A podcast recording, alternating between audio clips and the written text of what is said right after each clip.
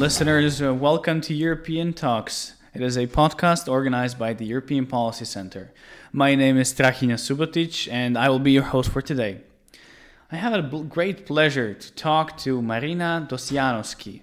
She is an Italian expert of Macedonian origins and a College of Europe alumni. Currently, she is an inter- uh, doing an internship at the European Policy Center.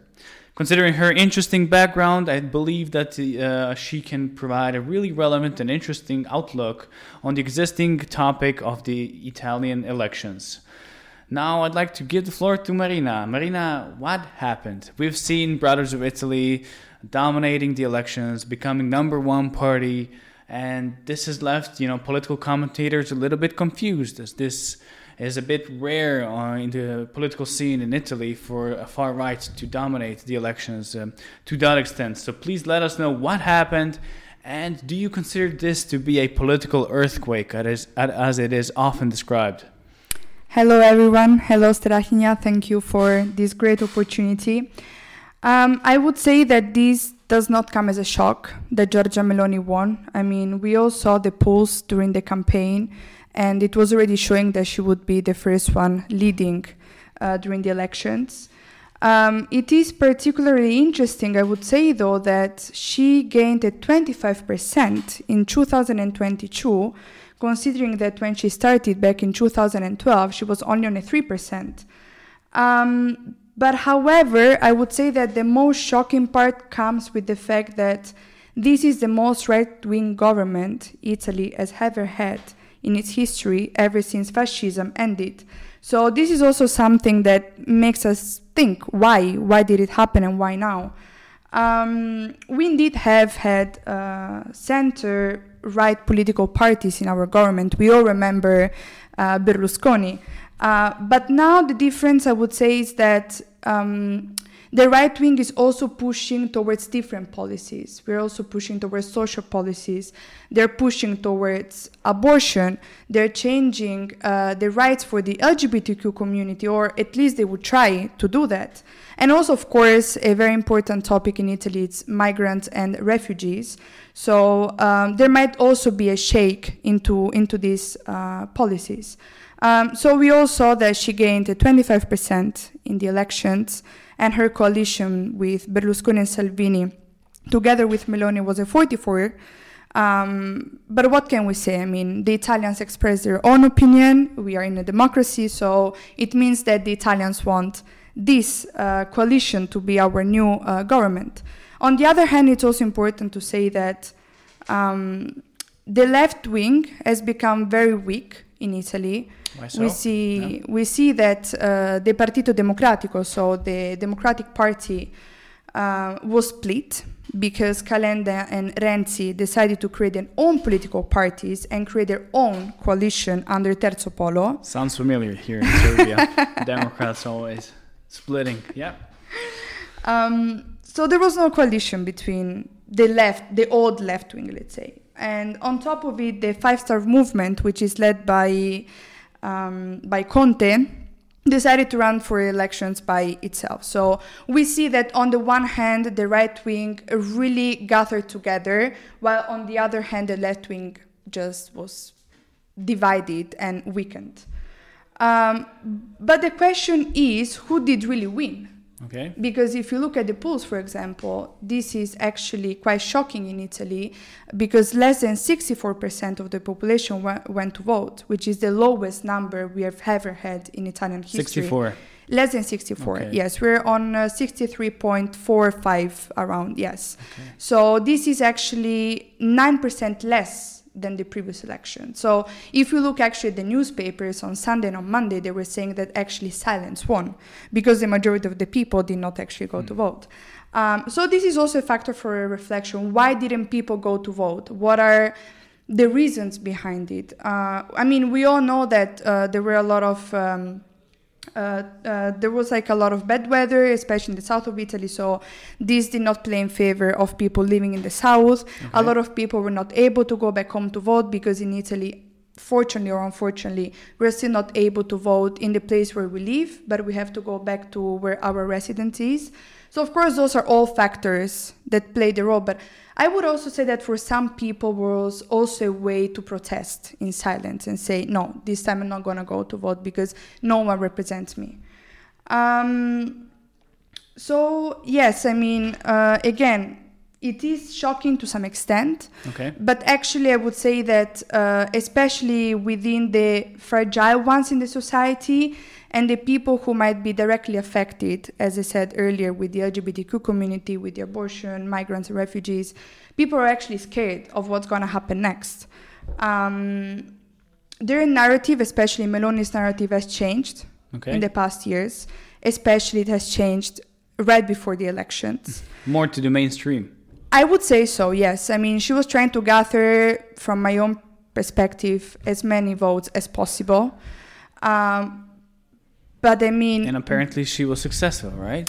yeah, she was successful, of course, because people were listening. I mean, she's a, objectively, we cannot say she's not a charismatic person. She really is. She knows how to speak.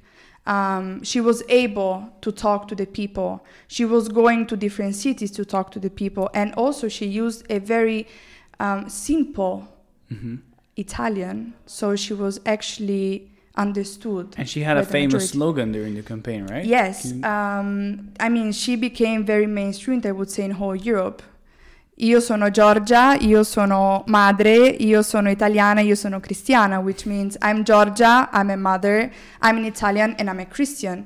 And I mean, with this logo, she was literally able to gather the most fundamental values of Italian society, of the traditional Italian Traditional. society, sorry, uh, which are family and religion. So she was really able to be to be heard by people. Uh, but at the same time, I, could, I would also consider this more as a um, strategy because this is not the first time a right wing wins in Europe. I mean, the examples par excellence in Europe are Poland and Hungary. And I would also claim that the Orban that we met 10 years ago is on the same Orban that we know nowadays. So we don't know how Okay. this could uh, this could evolve. But she could also evolve in the other direction, right? She could actually become mainstream, keep this uh, course of action in order to stay in power. Because uh, I guess uh, history teaches us that uh, extremists are easy to win support, but they can't maintain it for too long because uh, often the populist rhetoric during uh, the pre elections and the elections uh, actually re- requires a, reality check. You know, public policies and policies towards the EU are actually used as a reality check to make more realistic policies. So, do you believe that maybe Meloni uh, could go in that direction, uh, softening down uh, its tone, rhetoric, and actually implementing uh, certain uh, reforms and uh, policies in cooperation with the EU? How do you see this scenario? Um, this is actually a very interesting question. Um, I am not sure whether she's going to change her narrative Okay. and she's going to become a mainstream because at the core she has her own ideologies. And actually, um, she was invited in an interview right before the elections with Letta, the head of uh, Partito Democratico. And she said very clearly that she believes in an intergovernmental European Union where the member states have their own sovereignty. So she believes in a cooperation to some extent with the European Union, but the last word must be of the member state. So definitely uh, we do not have this narrative as before of ITA exit that for example we saw with Salvini back in 2018 because probably also the right wing realized that we cannot really live without the, the European Union especially without the EU funds. So um, we also saw that she's happy to collaborate with the European Central Bank and also to get the next generation funds. So I would say that there is no fear or threatening uh, the European Union in the sense of leaving the EU per se, but I think she will try to keep as much as possible the sovereignty of Italy in the house. But I also would say that it it, it will also depend how the formation of the government will develop. Okay. We already saw that there were some internal disputes within the coalition per se because Salvini wants to become the Minister of Interior Affairs, which is creating some disputes within the coalition. So let's also see who's going to be in charge of the EU affairs. Exactly, right. yes. But in that regard, she's quite an interesting figure. Although she is a far right, or the furthest mm-hmm. right Italy has had so far in charge of policies, if we imagine her forming the government, which is realistic, she nevertheless is having a softer tone than expected, right, towards the EU. Uh, during the COVID pandemic, right, she was not mm-hmm. anti-vax, yeah, right? True. Yeah, yeah, this is true. I mean, I would say that Italy is a very specific and particular country because it was one of the first countries affected by COVID in a very bad way um, when COVID started. Um, so in general, I would say that we do not have this type of narratives in Italy against vaccination. I mean, the only thing she said during her campaign was that she will never force anyone to get vaccinated. So in that sense, when it comes to COVID, um, in Italy we do not see this type of right classical okay. wing narrative. Yes. And considering that uh, you know the the worst part of the crisis, pandemic, seems to be over, her statements of these this kind do not seem to cause that much harm. So the COVID, uh, in that regard, wasn't a big of an issue during the uh, election campaign, right? No, uh, the COVID per se, no. But uh, let's say that ever since the war in Ukraine happened, every country had some consequences, the biggest one being uh, energy. Okay, please and tell us more about it, yes? Yes, so uh, let's say that uh, the prices increased a lot, and uh, we came to the situation to the point where Italians cannot afford to pay their bills. So, um, on the one hand, we have this that is happening right now, and they're trying to find a deal and how to create a policy to help the Italians, as they say, Italians first, using you know their narrative. But also on the other hand, we have a problem. I mean, it's a spillover effect. What happened with COVID? A lot of people lost their jobs, mm-hmm. and uh, this meant increase of poverty and unemployment. So, what are we going to do concretely about this?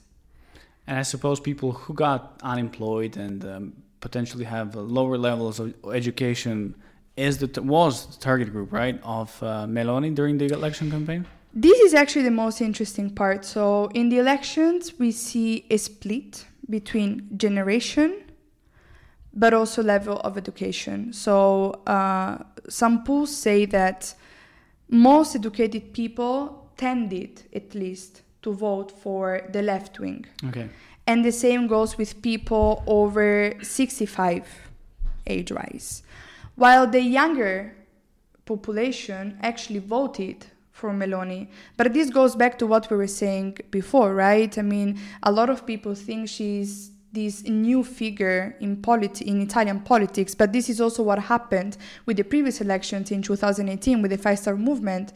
Uh, this is something new. This is going to be great. The left wing is not helping us. The left wing is inefficient. So let's try to go this other direction.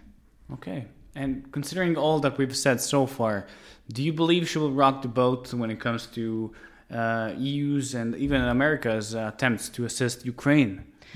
Mm, so if you look back at her narratives, also back with Crimea, for example, we could also use Berlusconi and Salvini in this case. Um, they tended to be much more towards Russia. Um, in this case, I would say that the situation changed. Uh, we still don't know whether she agrees with the eighth package or not that Ursula von der Leyen was talking about for the sanctions uh, to Russia um, I do not think it's gonna be that extreme, or at least as long as it doesn't hurt Italy that much, to use her own words. Mm-hmm. Um, she won't go against what the EU and the US are doing. But again, the most important thing for her is the interest of the Italians. So it will depend. And considering that one of her informal mottos is Italy first, Italians first, what about uh, people from the Balkans? Where are we on her list of uh, priorities? Um, so during her campaign, she hasn't really mentioned concretely uh, enlargement. I mean, we know that she's not very keen towards internal integration of the EU. So, for example, ideologies such as federalism are definitely not on her table. Um, so I'm afraid Macron would, won't be too happy about exactly. Scholz neither. Yeah. so maybe they should work on that a little bit. Um, so I'm afraid actually that uh, a country like Italy with Meloni as prime minister would be the next veto to the enlargement of uh, of the Western Balkans. I mean, if we look at the history, Italy has never been this country against uh, enlargement, and also if you look at bilateral agreements of Italy with West- Western Balkan countries, have been always quite positive, I would say. Right. Uh, perhaps the bilateral agreements will still continue because of interest, of course. Uh, but I'm afraid that uh, EU integration with the Western Balkans is not going to be on, on her agenda. And I can uh, easily picture um, narratives such as uh, we're going to have the next flow of migrants, uh, the economic situation is going to be catastrophic in the EU if we get more countries. So I don't think this is going to be on the table. But considering that Italy is one of the biggest investors, that Italy is one of the biggest investors uh, in the Western Balkan region, one could argue that uh, if she wants to put Italians first, or Italian business first, integrating the Western Balkans into the EU would actually build stronger bridges between our region and Italy, and therefore help the Italian people and Italian business. So, do you think this could be a convincing argument? Because our governments in the region should also focus on advocacy. What Yeah. would you uh, recommend to uh, society here uh, and uh, our policymakers with regards our future relationship with Italy? I mean, I would definitely continue to have relations. I mean, in the sense that, as you correctly said, Italy is one of the biggest investors uh, in the region. Mm, the only issue that I think is talking about the first part of your question is that um, also the, the ideas in Italy changed with the refugee crisis, with uh, with the increase of refugee by numbers in Italy. The there is a it, there is a division in the society, so people are not really happy. Let's put it this way. Um, also, we have a history back in, in the 90s with Italy with uh, the flow of people coming from uh, from our region. So um, I agree with you that this would be much more beneficial for Italy to From a actually rational further standpoint. Absolutely, yes. But at the same time, from her political perspective, how can she change now the narrative? Hmm. She has always been against refugees and migrants. How can she now prove that having the Western Balkans in the European Union is going to be beneficial for her? So this would be maybe too risky, or at least too risky for now. Uh, on the other hand, I would say that the civil society organizations in uh, in the Western Balkans should still keep on going, even in bilateral agreements with uh, with Italy, and keep trying to get some funds, keep trying to collaborate, keep having new projects. Hopefully, Italian stakeholders are listening. Um, so they should definitely keep working and keep working because, I mean, we have to be realistic, but also sometimes positive that perhaps the situation will change. And I mean, at the end of the day, we don't know until when this government will last. So that was my final question, actually, to wrap everything up. Uh, uh, it's a right wing uh, coalition made of three actually very different parties, although they are on the right. So, therefore, uh, could you expect this government to, uh, you know, make a miracle and uh, do its full term? Uh, and if so, uh, how do you see Italy and Europe in 2026 if she uh, sustains uh, her government that long? This is a very good question because in Italy you can always have a lot of surprises. um, so, um, as I told you before, we already see that there are some shakings within the within sorry the the coalition. Um, I wish I could know until when it will last. Um, it will also depend on how much they will be able to negotiate because we also saw that in the past this was the main problem there were no negotiations between the political parties. Then at some point the government will fail. Then we'll have a technocratic government, and then we would have elections again. So uh, this is a quite realistic option because I wouldn't be surprised personally. Neither the Italians, I would say.